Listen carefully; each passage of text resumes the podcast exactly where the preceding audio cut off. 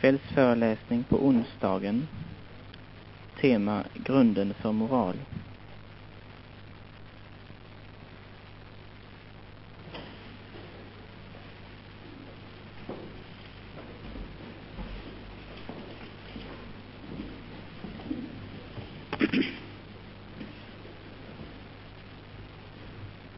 You'll remember that last night I said I was beginning a series of four, uh, four lectures.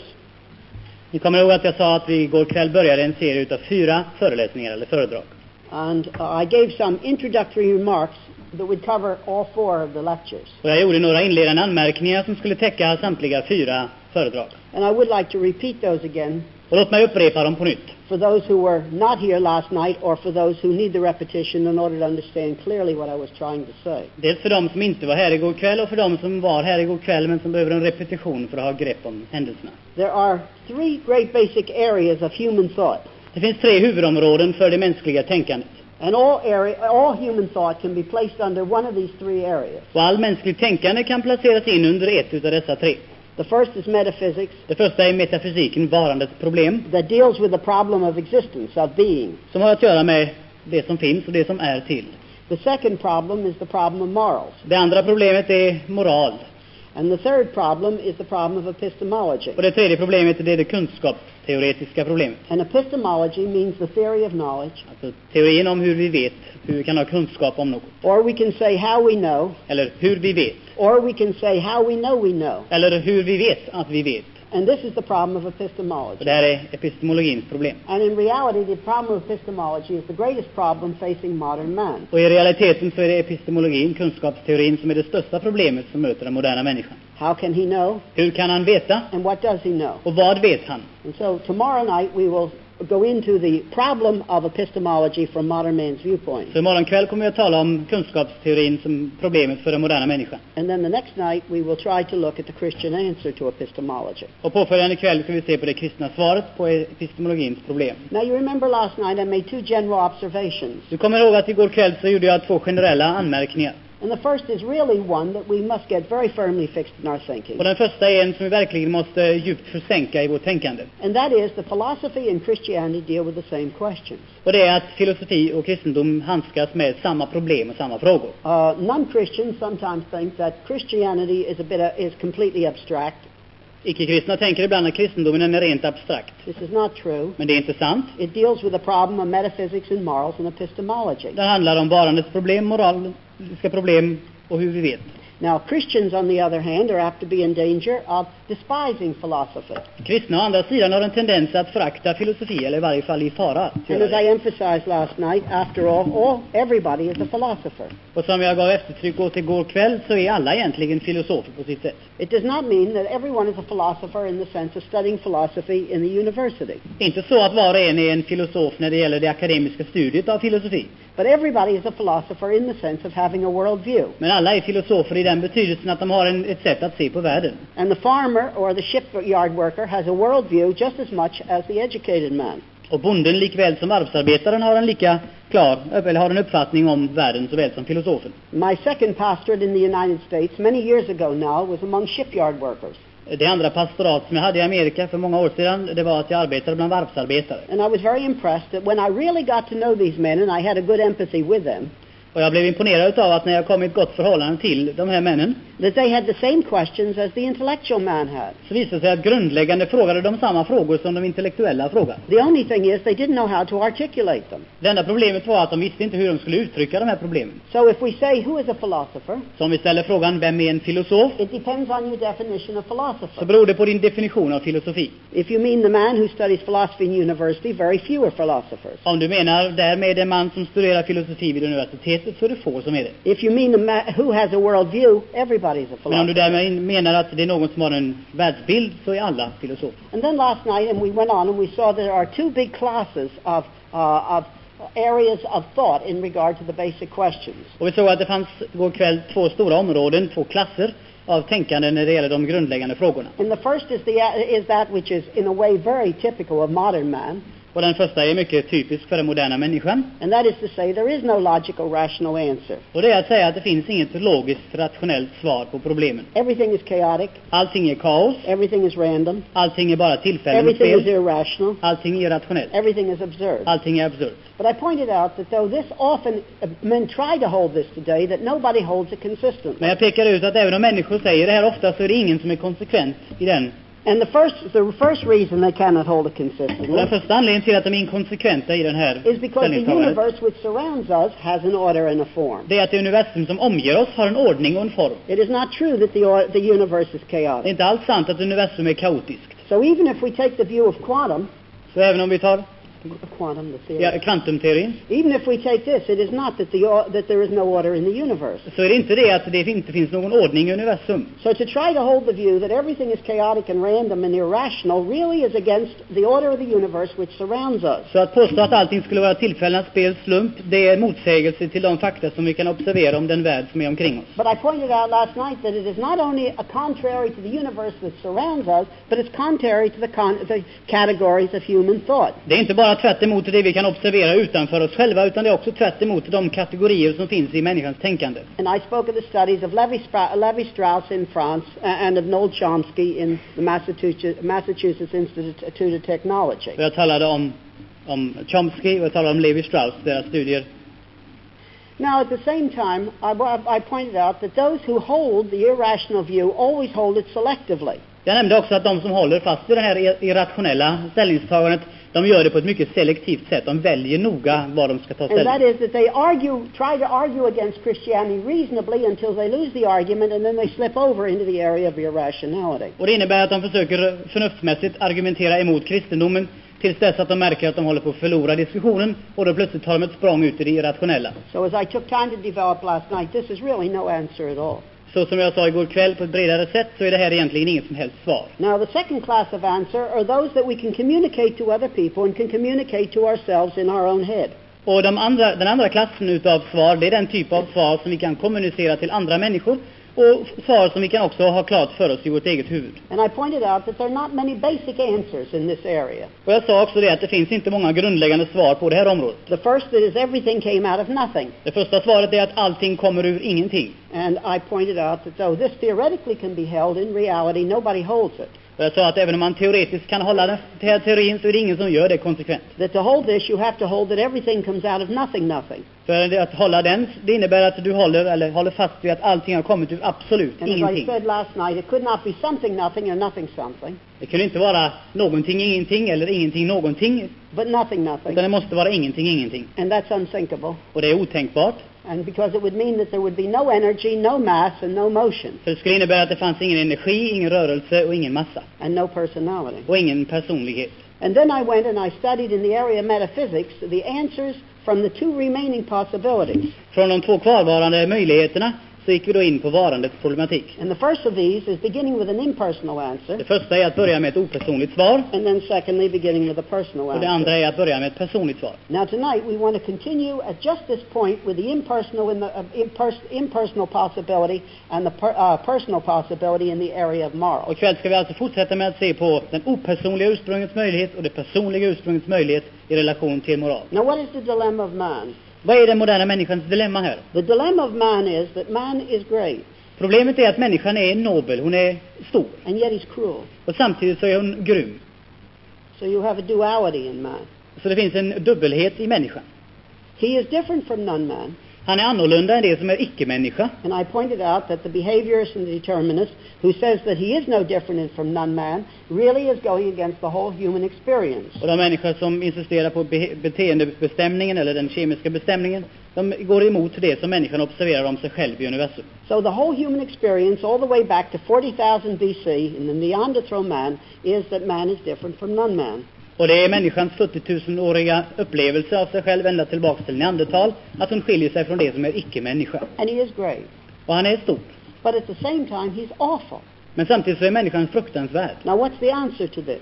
Vad är svaret till det här motsättningen? And this is the problem of morals. Det här är problemet som vi talar om under moral. It is man being alienated from other men in the area of morals. Det är detta att människan är en främling för andra människor på det här området, moraliska The man is estranged, estranged from himself and estranged from other men in this moral area. Att människan är en främling gentemot sig själv och gentemot andra människor på det här området. Now, the first answer to, the, to this is again the attempt to give an answer saying that everything had a per- impersonal beginning. Och det första tänkbara svaret är då det svar som säger att allting började med ett opersonligt ursprung. And as we saw last night, this can fall into two areas. Och som vi såg igår kväll så kan det här falla i två delar. Either, either those who teach a pantheistic concept of the beginning of an impersonal, Antingen de som har en panteistisk undervisning angående det opersonliga, whether it would be the Eastern religions or the modern liberal theology, vare sig det är österländsk religion eller modern teologi, or whether it would be the modern scientific concept that everything began with the impersonal with the energy particle. eller den moderna vetenskapliga ståndpunkten att allting börjar med en opersonlig energipartikel. And it really doesn't matter which of these impersonals you're speaking about, Det spelar ingen roll vilken utav dessa två opersonligheter du börjar med, they still have the same problem. de har fortfarande samma problem.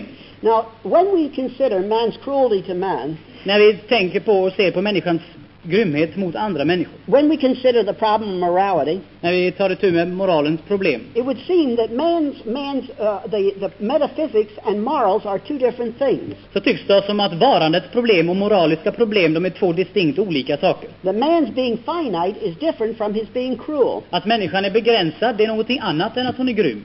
But in reality, when you begin with an impersonal beginning, you find that finally these two things are brought are made into one. Men när man börjar med ett opersonligt ursprung så kommer du slutligen fram till det faktum att dessa båda ting är egentligen en och samma sak. Man's finiteness merely means that he is small, Att människan är begränsad innebär egentligen bara det att hon är liten. that he's not a sufficient reference point in himself. Att människan i sig själv är inte ett tillräckligt stor And, and referenspunkt. cruelty seems a different thing.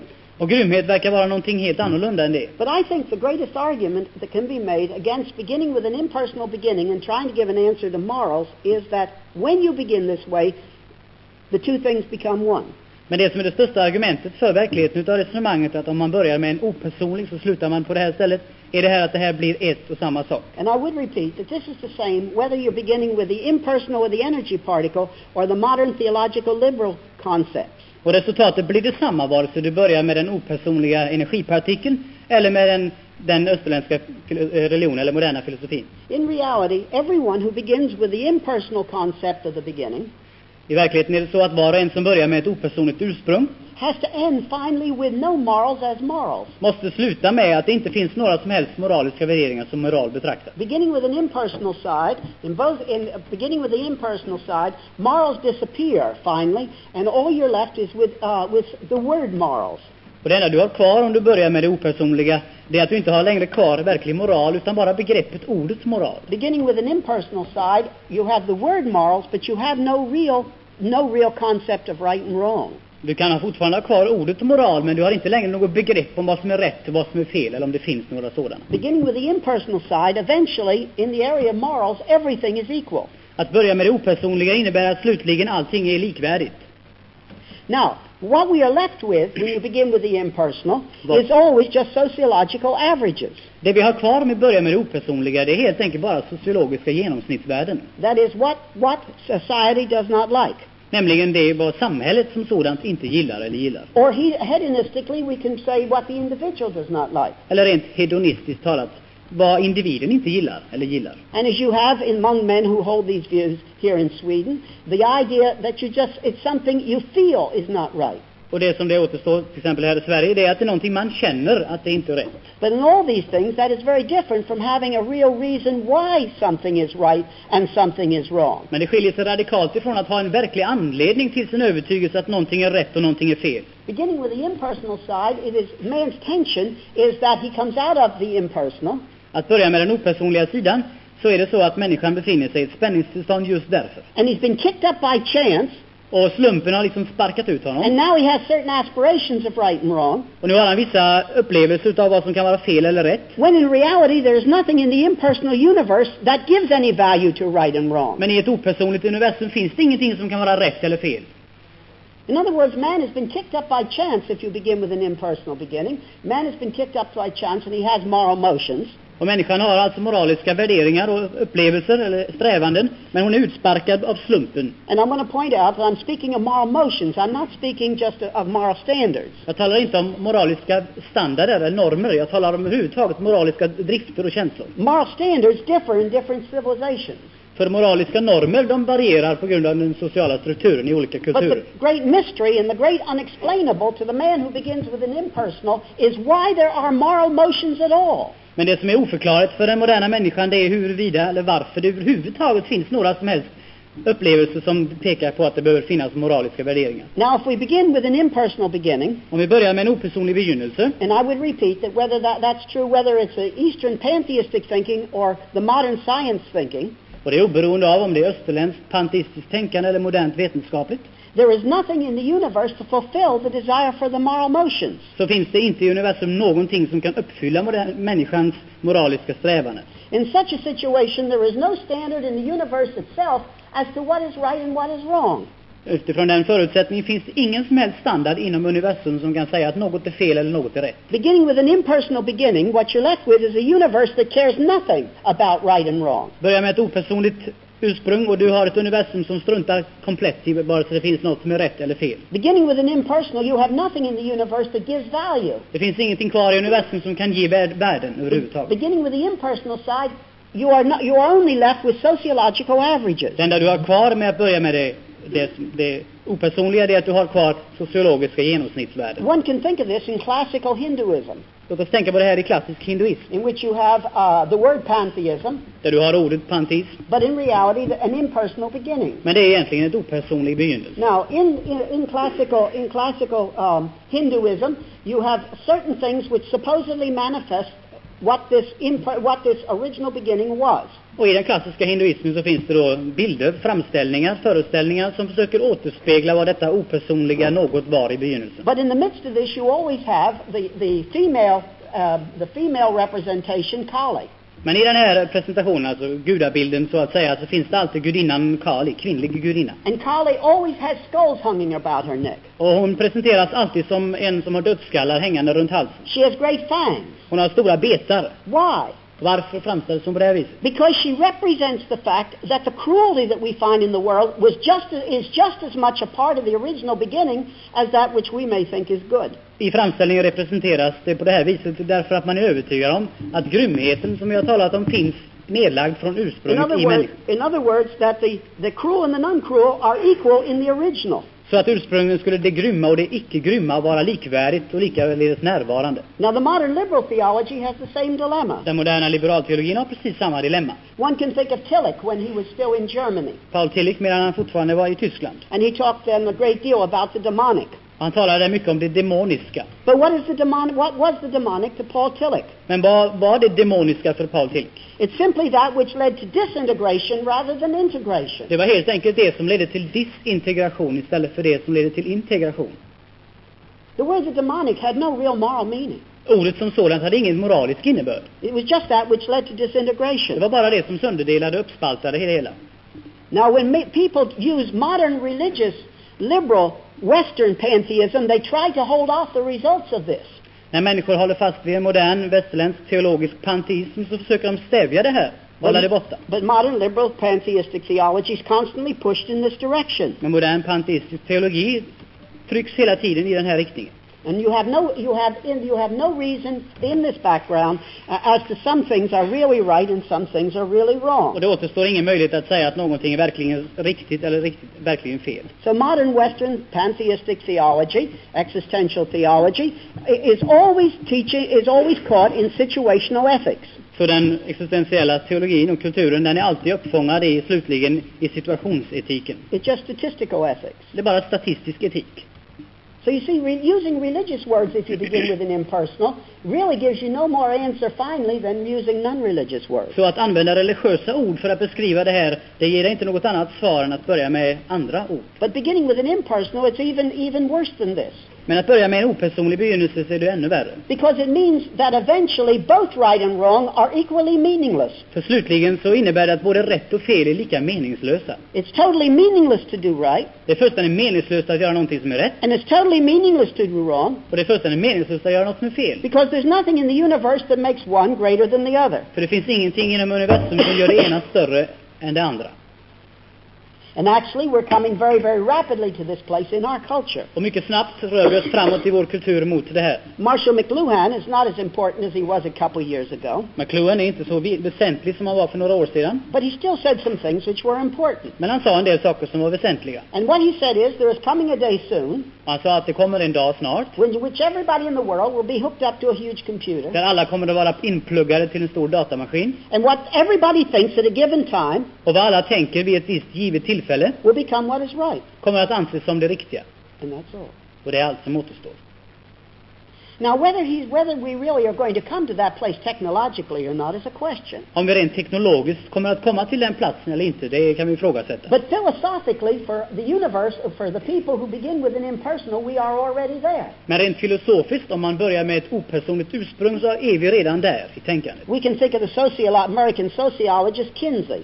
Vi kan tänka oss den sociologen Kinsey. And you remember he lived a few years ago and he was known best for his studies of human sexuality. Han var mest känd för sina studier över den mänskliga sexualiteten. But actually, as you study his work, he's saying something more than merely describing sexuality. Men han gör mer än bara beskriver sexualitet. But his emphasis as a sociologist was whatever people are doing in a given locality, whatever the average is, is right. Och det han sa som sociolog, det var detta att vad helst människor gör i genomsnitt på en given plats, det är det som är riktigt. And let us quickly agree that both, both my country, the United States, and Sweden are being run that way today on the, uh, the questions of what is right and what is wrong in the area of sexuality. Och vad det gäller de sexuella problemen och de frågeställningar som finns där kan vi snabbt vara överens om att både Amerika och Sverige är på samma nivå här. This is not tomorrow, it is today. Det är inte någonting som kommer imorgon, det är här idag. Now, if we use religious language, we can seem to hold this off a little while. Genom att använda ett religiöst språk så kan vi så att säga ställa upp en barriär mot det här tänkandet en stund. But it's only a linguistic solution. Men det är bara en språklig lösning på det hela. And very quickly it breaks down and we come to the same place. Och den rasar och vi kommer snart till samma slut. As I say, the religious liberal theo- theo- theologian today is almost always in the area of situational ethics, statistical ethics. Den liberala teologin, den är nästan alltid i situationsetiken. And using the religious words really is no greater an answer uh, than the secularized psychology and reductionism uh, in the area of mere reflexes. Och att använda det här religiösa språket, det skiljer sig inte på något sätt från att använda det reduktiva språket från sociologer och psykologer. Now, last night we saw that beginning with the impersonal, you had no answer for the metaphysical questions of existence with order and the mannishness of man. Vi såg igår kväll att med ett opersonligt ursprung så fanns det inget svar på detta att människan är unik i sig själv. Tonight I would like to emphasize that beginning with an impersonal, you have no answer for morals at all. Och jag vill ge eftertryck åt ikväll att om vi börjar med en opersonlig begynnelse så har vi inget svar på moraliska frågor heller. Beginning with the impersonal, no matter whether you put it in religious words or whether you put it in secular words, you're left in the position of the Marquis de Sade. Att börja med det opersonliga, vare sig religiösa termer eller vetenskapliga termer, lämnar dig bara på Marquis de Sades And the, position. and the Marquis de Sade said exactly what the result of all this is. Och han sa exakt precis vad som är resultatet av allt det här. And that is, what is is right. Och han sa, det som är, är rätt. And that's all. Och det är allt. So beginning with the side of the impersonal, we have no answer in regard to morals. Så om vi börjar med det opersonliga ursprunget så har vi inget svar i relation till moraliska frågor. We have no standard for morals because the universe is silent concerning morals. Det finns ingen egentlig norm för moral därför att universum är tyst på den punkten. But we don't even have an explanation of why the aspiration of man toward moral motions exists. Men vi har inte ens ett svar på varför överhuvudtaget människan har drifter eller hänvändelser i den riktningen att det finns moraliska Now let us turn to the other side to a, if we have a personal beginning. Om vi nu har ett personligt ursprung Then if we have a personal beginning, man's, man's finiteness is separated from the problem of his cruelty. I så fall så är människans begränsade kapacitet annorlunda eller skild ifrån hans grymhet. But let us be honest, we immediately are faced with a question. Men samtidigt har vi då en speciell fråga att besvara. If we begin with a personal beginning that all that is, Om vi börjar med att det finns ett personligt ursprung till allt som finns till, how then do we deal with the dilemma of man as we see him now? Hur kan vi då handskas med det dilemma som människan uppenbarligen befinner sig i nu? How do we explain his cruelty if he had, if he was created by a person, by a personal God? Hur kan vi förklara hans grymhet om han skapades av en personlig Gud? Now, there's two possibilities. Finns två tänkbara möjligheter. And the first possibility, the first possibility is that God made man as he is. Och den första möjligheten är att Gud skapade människan sådan hon nu är. In other words, that he is, man intrinsically is cruel because he was made as he is now. Människan var ursprungligen genomgående grym därför att det är så han är nu. In this way, man has always been cruel. Med andra ord, människan har alltid varit grym. Cruelty is an intrinsic part of what man is. Grymhet är en integrerad del utav människans mänsklighet. But if this is so, then we are immediately faced with two problems. Men om det är så, då har vi två problem ånyo att ta ställning till. And the first is if man, man with his cruelty is the way he has always been, Och det första är att om människan med sin grymhet är sådan nu som han alltid har varit, and he was made this way by a personal infinite och God, han av en personlig obegränsad Gud skapades på det här viset, then how are we going to escape the conclusion that this God is also cruel? hur kan vi då komma undan från den ställningstagandet att Gud också är grym i sig själv? Now, this is where Baudelaire, the French his, hist- uh, art historian, and Camus came to. Eh, Både Camus och Baudelaire kom till den här ståndpunkten. And Baudelaire, the French art historian, was a great thinker. Och Baudelaire var en stor tänkare, And, konsthistoriker. and one, of his great, one of his great sentences that's often quoted is, if there's, a, if there's a God, he's the devil. Och en av de meningar som är ofta citerade av honom, det är det här, om det finns en Gud så är han djävulen. Now, as a Christian, when we first hear this, this makes us cringe. Och när vi som kristna hör det där så får det oss att rysa. But let, we, should, we really should not cringe Men det borde vi egentligen inte göra. on the basis of Baudelaire's own position. För Baudelaires egen position måste man här ta räkenskap utav. Because Baudelaire only thought of man being the way he is now and cruel, made by God as he is now. För Baudelaire kunde bara tänka sig att eh, så som människan var gjord av Gud och som han är nu är samma sak. And as such, we, would re- we as Christians would reject his conclusion. Och som kristna måste vi förkasta hans slutledning. But we would acknowledge that on the basis of, of, of his own position, he would be right. Men på grundval av sitt eget ställningstagande så har han rätt. Now, Camus came at it slightly differently. Camus kommer ut och har ett lite annat svar. And surely a great number of you have read uh, Camus' book, The Pest, La Peste. Och många utav er har läst Pesten utav Camus. And this is his basic book. Och det här är hans grundläggande bok. And in it, we find what he says is this. Och i den här så säger han bland annat det här. The rats brought the plague into the city, Det var råttorna som kom och hade med sig den här pesten in i stan. and then everybody had to make a decision. Och alla var tvungna att ta ett visst, fatta ett visst beslut. They either joined with the doctor and fought the plague, De kunde antingen ställa sig på läkarens sida och bekämpa pesten, and then they fought God, och då bekämpade de Gud. or they had to join with the priest and not fight, the, not fight God, Eller att de var tvungna att ställa sig på prästernas sida och inte bekämpa den. but in such a case they would not fight the plague. Men i det fallet skulle de heller inte bekämpa pesten. And Camus died without ever resolving that problem. Och Camus dog utan att någonsin få svar på det problemet. Now, at this particular place, we're often given a selective, one of these selective irrational answers I talked about last night and summarized tonight. Ofta får vi ett av de noggrant urvalda irrationella svaren i det här sammanhanget. The modern liberal theologian says, well, if you think of it with your mind, God is evil.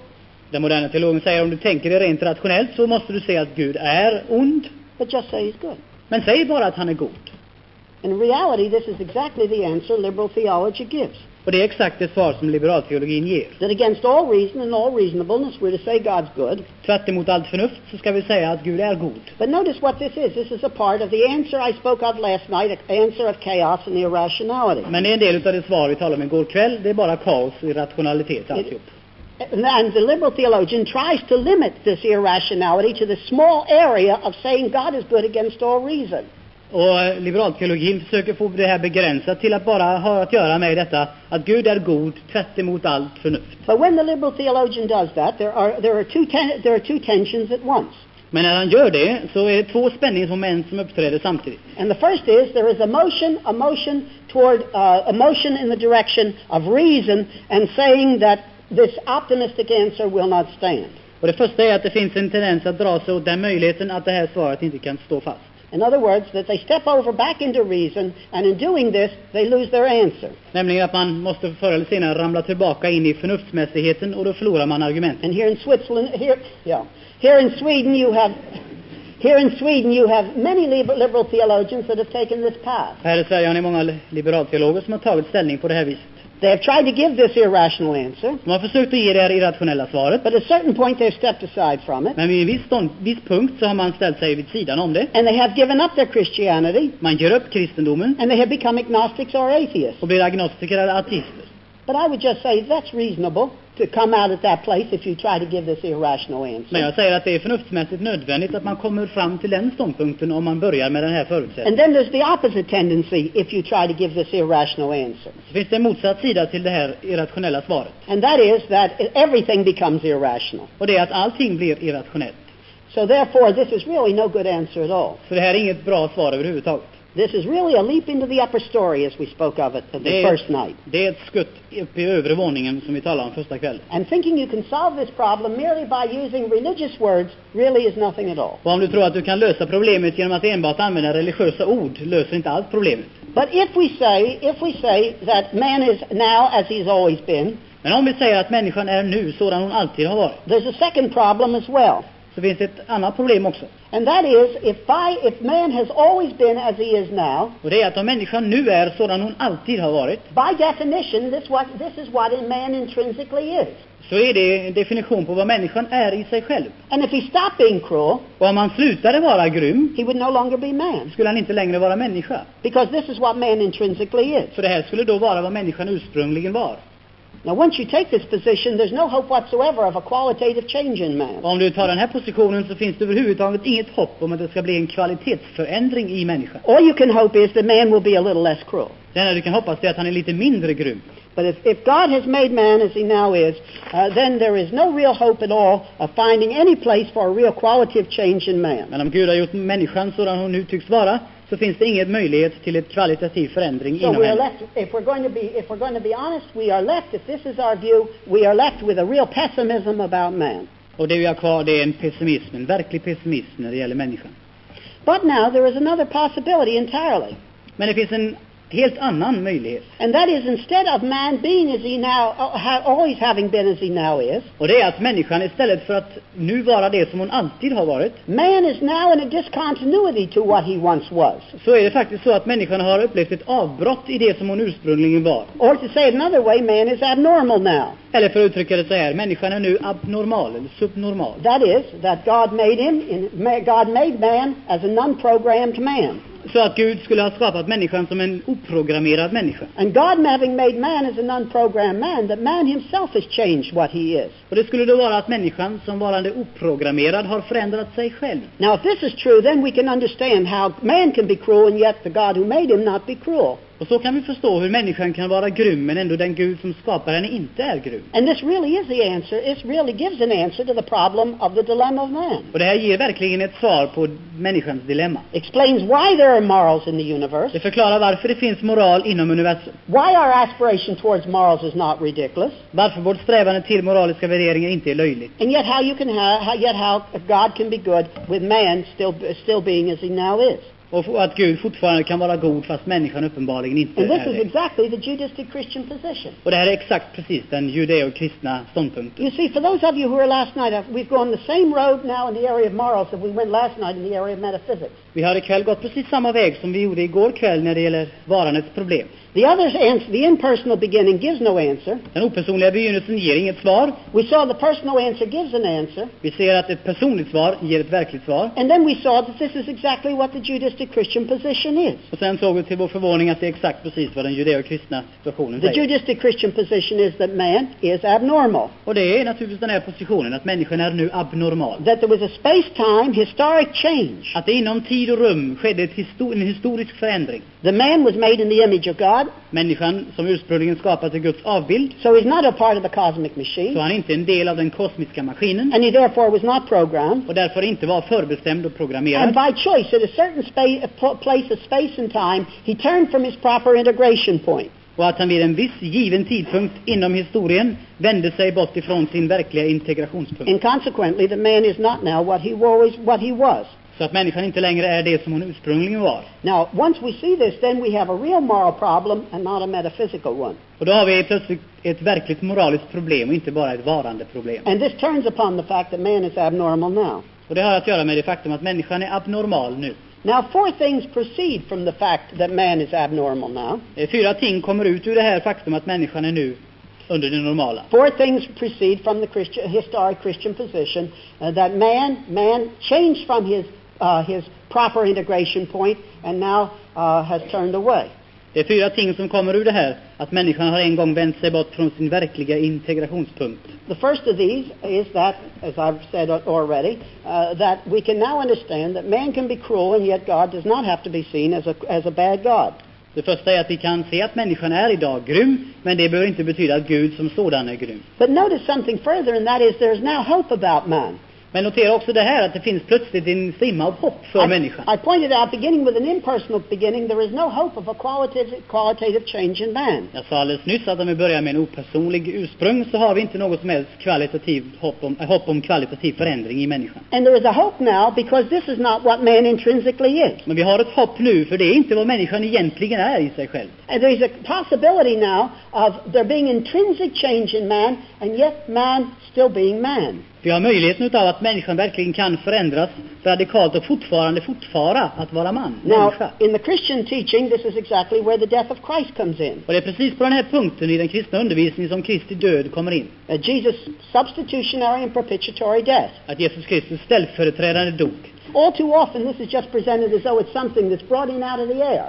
Så ofta presenteras det som om det vore någonting som hängde i tomma luften. But if you see it as the place where we have, are now talking tonight, it is the very opposite of something brought in out of the air.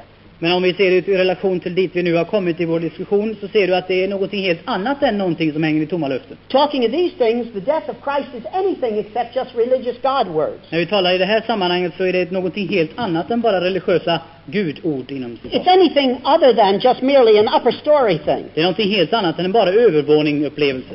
Man is abnormal. Människan är abnormal. He can now have a qualitative, cha- qualitative change. Han kan uppleva en kvalitativ förändring. There is a personal God. Det finns en personlig Gud. Maybe God will do something about it. Kanske kommer Gud göra någonting åt det. And the Bible says God did do something about it in the substitutionary death of Christ. Och Bibeln säger att Gud gjorde någonting åt det i Kristi ställföreträdande död. And on this basis, there can be a qualitative change in man, På den grunden kan det äga rum en kvalitetsförändring inom människan. and man really being man. Och människan fortsätter att vara människa.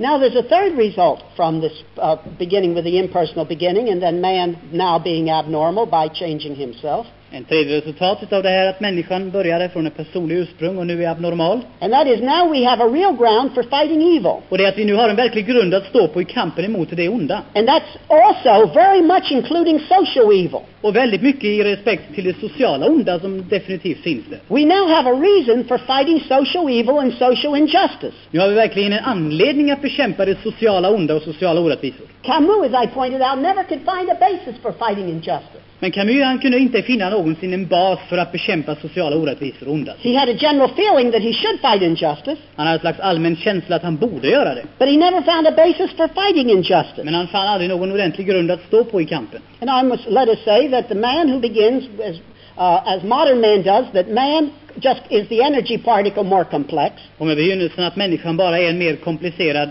energipartikel He has no reason for fighting så injustice. finns det ingen som helst anledning att bekämpa orättvisor. But the Christian does. Men den kristne har verkligen en sån anledning. The Christian has a real reason for fighting injustice. Han har en verklig anledning att bekämpa orättvisor. Because man, as he is now unjust, is, is, uh, is not that which God made him to be. För människan som nu är orättfärdig är inte det som Gud gjorde honom And, ursprungligen. and you have no clearer illustration this than Jesus standing at the tomb of Lazarus. Och det finns ingen klarare illustration av det än det sammanhang där Jesus Kristus står vid Lazarus grav. Jesus stood at the tomb of Lazarus, Han stod där framför graven and the Greek makes it very plain that he had two emotions. och grekiskan gör det mycket klart att han hade två typer, två former av upplevelser, känslor. He cried, Han grät, but he was furious. men samtidigt var han arg. He who claimed to be God Han som gjorde anspråk på själv att vara Gud, could be angry at the abnormality that was there before him han kunde vara rasande över den abnormalitet som var framför honom. without being angry at himself Utan att samtidigt vara arg på sig själv som Gud. because this is abnormal. Det här är abnormalt. And on that basis, the Christian can fight injustice. Och den kristne kan på den här grunden verkligen bekämpa orättvisa. We must say with sorrow that many evangelical Christians have not been very good in fighting Vi injustice. måste med beklagande påstå att många evangeliska kristna ingalunda har varit goda i att bekämpa det onda. And we must weep about this. Vi måste gråta över det. But it is the Bible believing Christian that has a real basis for fighting Men det är injustice. den bibeltroende kristne som har en verklig fundament för att kunna bekämpa det onda. We are able to be angry at the cruelty of man to man Vi kan vara arga över att människan är grym mot människor, without being angry at God utan att vara arga på Gud. or without being angry at that which was normal as to what man, God made man to be. Utan att vara arga över det som var normalt i den plan som Gud hade för människan. Now, I just want to say in passing, this is a tremendous point, this last one. Låt mig säga att det här är en fantastisk punkt. Your, your generation wants to fight social evil, Er generation vill bekämpa det sociala onda. and I'm so glad you do, Och jag är glad att den gör det. But you have no basis to fight it. Men det finns ingen bas, ingen grund, inget fundament för det. If you begin with the impersonal beginning, Om du börjar med en opersonlig begynnelse. you do not even know why you have the motion to fight, Kan du inte ens veta varför du överhuvudtaget har någon känsla i den riktningen att vilja bekämpa det. and you certainly have no standards to know what, what, is, uh, what uh, you should fight upon. Och det finns definitivt ingen norm enligt vilken du kan bemäta vad du ska värdera och kämpa mot. So if you're in this position, you may have a desire to fight social injustice, but you're really caught. Du kan ha för sig en längtan efter att bekämpa sociala orättvisor, men du är fångad. And then I'd say to those of us who are Christians, and we have a basis of fighting the social injustice, of fighting the social jag säger till oss som är kristna, vi har en bas för att bekämpa social orättvisa. And we ought to be in the forefront of doing Och vi so. borde vara i förfronten till den kampen. Now, these were three results as what occurs when we have a personal beginning, uh, but man being now abnormal. Det här är tre resultat av att det fanns ett personligt ursprung, men att människan nu är normal, Now, I'd, abnormal. I'd come to the last re- result. Låt mig komma till det fjärde och sista resultatet. This is the fourth. Det fjärde. And that is that now we can have real morals.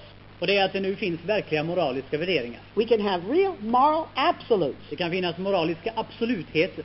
Because now this God is a good God.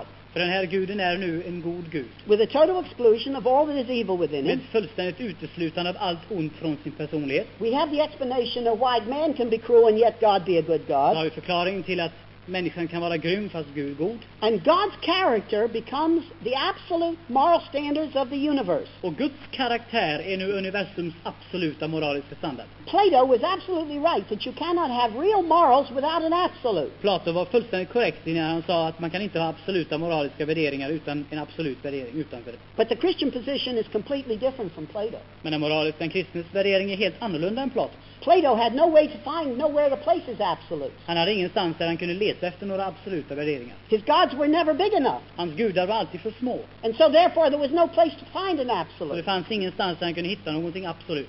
But here we have an infinite personal God. Men här har vi en obegränsad personlig Gud. And he has character. Och han har karaktär. And evil excluded is, is excluded from that Och character. det onda är uteslutet ur den karaktären. And thus his character is the moral absolute of the universe. Och det är hans karaktär som är universums moraliska absolut. Now notice what we're saying. Lägg märke till det här. It's not that there is a moral absolute behind God. Det är inte det att det finns en moralisk absolut värdering utanför eller bakom Gud. Because the last thing back is God. För det som finns längst bort är Gud. It's God's own character is the moral absolute of the universe. Guds egen karaktär är universums moraliska absoluta standard. And this is the real answer to morals. Och det här är det verkliga svaret på det moraliska problemet. On this basis, we have a true answer to morals. På den här grunden har vi ett verkligt sant svar på det moraliska problemet. We looked at last night and we saw that there's no other answer to meta- the metaphysical problems. Vi såg igår kväll att något annat svar finns inte på varandets problem. And there is no other answer to the moral problem either. Och det finns heller inget annat svar när det gäller de moraliska frågorna. The answer turns upon God's being there. Svaret beror på att Gud, eller är beroende av att Gud är där. And His not being silent. Och att han inte är tyst. That He has really told us, He has really told us what His character is. Att han verkligen har talat om för oss vad hans karaktär är. He has spoken in the verbalized propositional statements of the Scripture. I de verbala påståendena utav skriften har han klart deklarerat. And this is our moral law. Och det här är den moraliska lagen som vi underställer. This is our moral standard. Det är den moraliska norm vi är ute efter. And let us notice, it is not only the revelation of God in Christ that gives us this. Och det är inte bara Guds uppenbarelse i Kristus som ger oss det här. It is the propositional uh, statements of the Bible that give us this. Utan det är de uttryckliga påståendena av skriften som sådan, Bibeln som sådan, som ger oss det. It is this that tells us what God is Det är det här som talar om för oss vad Gud är. and what He is as the infinite personal God, Vad han är som den obegränsade personlige Gud. the triune God. Den treenige Gud. And therefore the answer to the metaphysical needs as we saw last Och night. därför de, det som svarar mot de metafysiska problemen. But also the, it tells us what his character is, Men han talar också om för oss vad hans karaktär är. and it gives us the moral answer. Och det ger oss ett moraliskt svar. Now, it is either this, Det är antingen det här, it is either this, or there is no prob- answer to the problem of morals. antingen det här eller också så finns det inget realistiskt svar. Those of you sitting here tonight to begin with an impersonal beginning, De utav er som envisas med att börja från en opersonlig begynnelse, I don't care if it's the Eastern religious thinking of Hinduism and pantheism, och det gör detsamma om det är österländsk hinduism eller panteism, or whether it is the liberal Western theology which is pantheistic, eller vare sig det är västerländsk liberal teologi, or whether you're following science which tells you everything began with the energy particle. eller om du börjar med vetenskapen som säger att allt börjar med energipartikeln. Those of you who sit there holding these positions this night, De som sitter här ikväll och håller den positionen, you must understand that your world word morals only means sociological averages. så måste du förstå att ditt begrepp moral, det innebär bara sociologiska genomsnittsvärden. And that's all. Och det är allt. Either sociological averages Antingen sociologiska genomsnittsvärden, or your word morals eller också så innebär ditt ord moral means arbitrary absolutes imposed by either the state or soci- or society. bara fråga om godtyckliga värderingar som antingen staten eller samhället trycker på dig. And if you begin with an impersonal, Och om du börjar med en opersonligt ursprung, that's all your world mor- morals mean. så är det allt moral betyder. It means nothing more. betyder ingenting mera. Now, it is perfectly, perfectly proper that men should ask uh, Christianity questions about metaphysical, metaphysics, morals, and epistemology. Det är fullständigt självklart att människor skulle ha rätt att fråga de kristna på de här områdena utav varandet, moral och kunskapsteori. And when people do, we must not say, don't ask your questions. Och när människor gör det så får vi inte bara säga du får inte fråga. The Christian has a responsibility to show that Christianity has the answer. Den kristne är under påtrycket, under, under ansvaret att visa att kristendomen har svar. And it must not be a halfway answer. Och inte ett halvvägssvar. It must not be your leap into the upper story. Det får inte vara ditt språng ut i ett slags mörker ovanför. You must show that indeed it is either this answer or there is no answer and man is left in the depth of Du måste visa att det här är svaret. Eller också så är människan fortfarande överlämnad i mörker. But notice if the Christian position is true, then man is not just small, but he's morally guilty. Men om den kristna positionen är den korrekta så är människan inte bara liten, utan hon är skyldig. You see, you can't hold this position without having a result. Du kan inte hålla den här positionen utan ett visst resultat. If this is true, that man is now abnormal by his own choice, Om det är sant att människan är nu abnormal på grund av ett eget ställningstagande, then he's morally guilty because he has many times deliberately done what he known to be wrong. så är han nu verkligen skyldig därför att han har på ett medvetet sätt gjort det som han visste var fel. He has true moral guilt.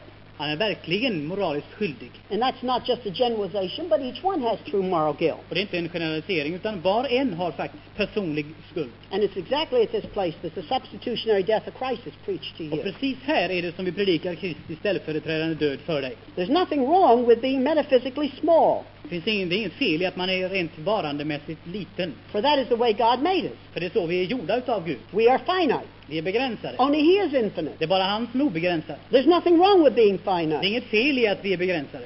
But we do need a we do need a solution for our true moral guilt. Men vi behöver ett svar på vårt riktiga, verkliga moraliska skuldproblem. We need a solution for our true moral guilt before the absolutely good God who is there. Vi måste ha ett svar inför den absolut gode guden som är där på det här problemet. And the solution is not, just knowing the intellectual answer, Och svaret är inte bara det att du rent intellektuellt har ett svar på det här. but it's acting upon it. Utan det är att du handlar utifrån den värdering du har It's accepting the substitutionary work of Christ. Det är att acceptera, ta emot för egen del detta ställföreträdande verk som Kristus har gjort. And that's what it means to be a Christian. Och det är det det innebär att ha blivit en kristen. So Christianity gives an answer that nothing else gives. Så kristendom ger en svar som ingenting annat ger svar på. And everything else leaves us in cynicism. Och allting annat lämnar oss kvar i cynism. But once I see the answer, Men när jag en gång ser svaret, I'm faced with the fact that then I have moral guilt. Då jag presenterar inför det faktum att jag är moraliskt verkligen And it skyldig. will not do just to have intellectual answers. Så det räcker inte med intellektuella svar. But I must act upon this for myself by the grace of God. Utan jag måste på grund av Guds nåd handla på det här. Now notice then in the area of metaphysics, we last night we stressed that in the area of metaphysics, it's not the word God that gives a solution.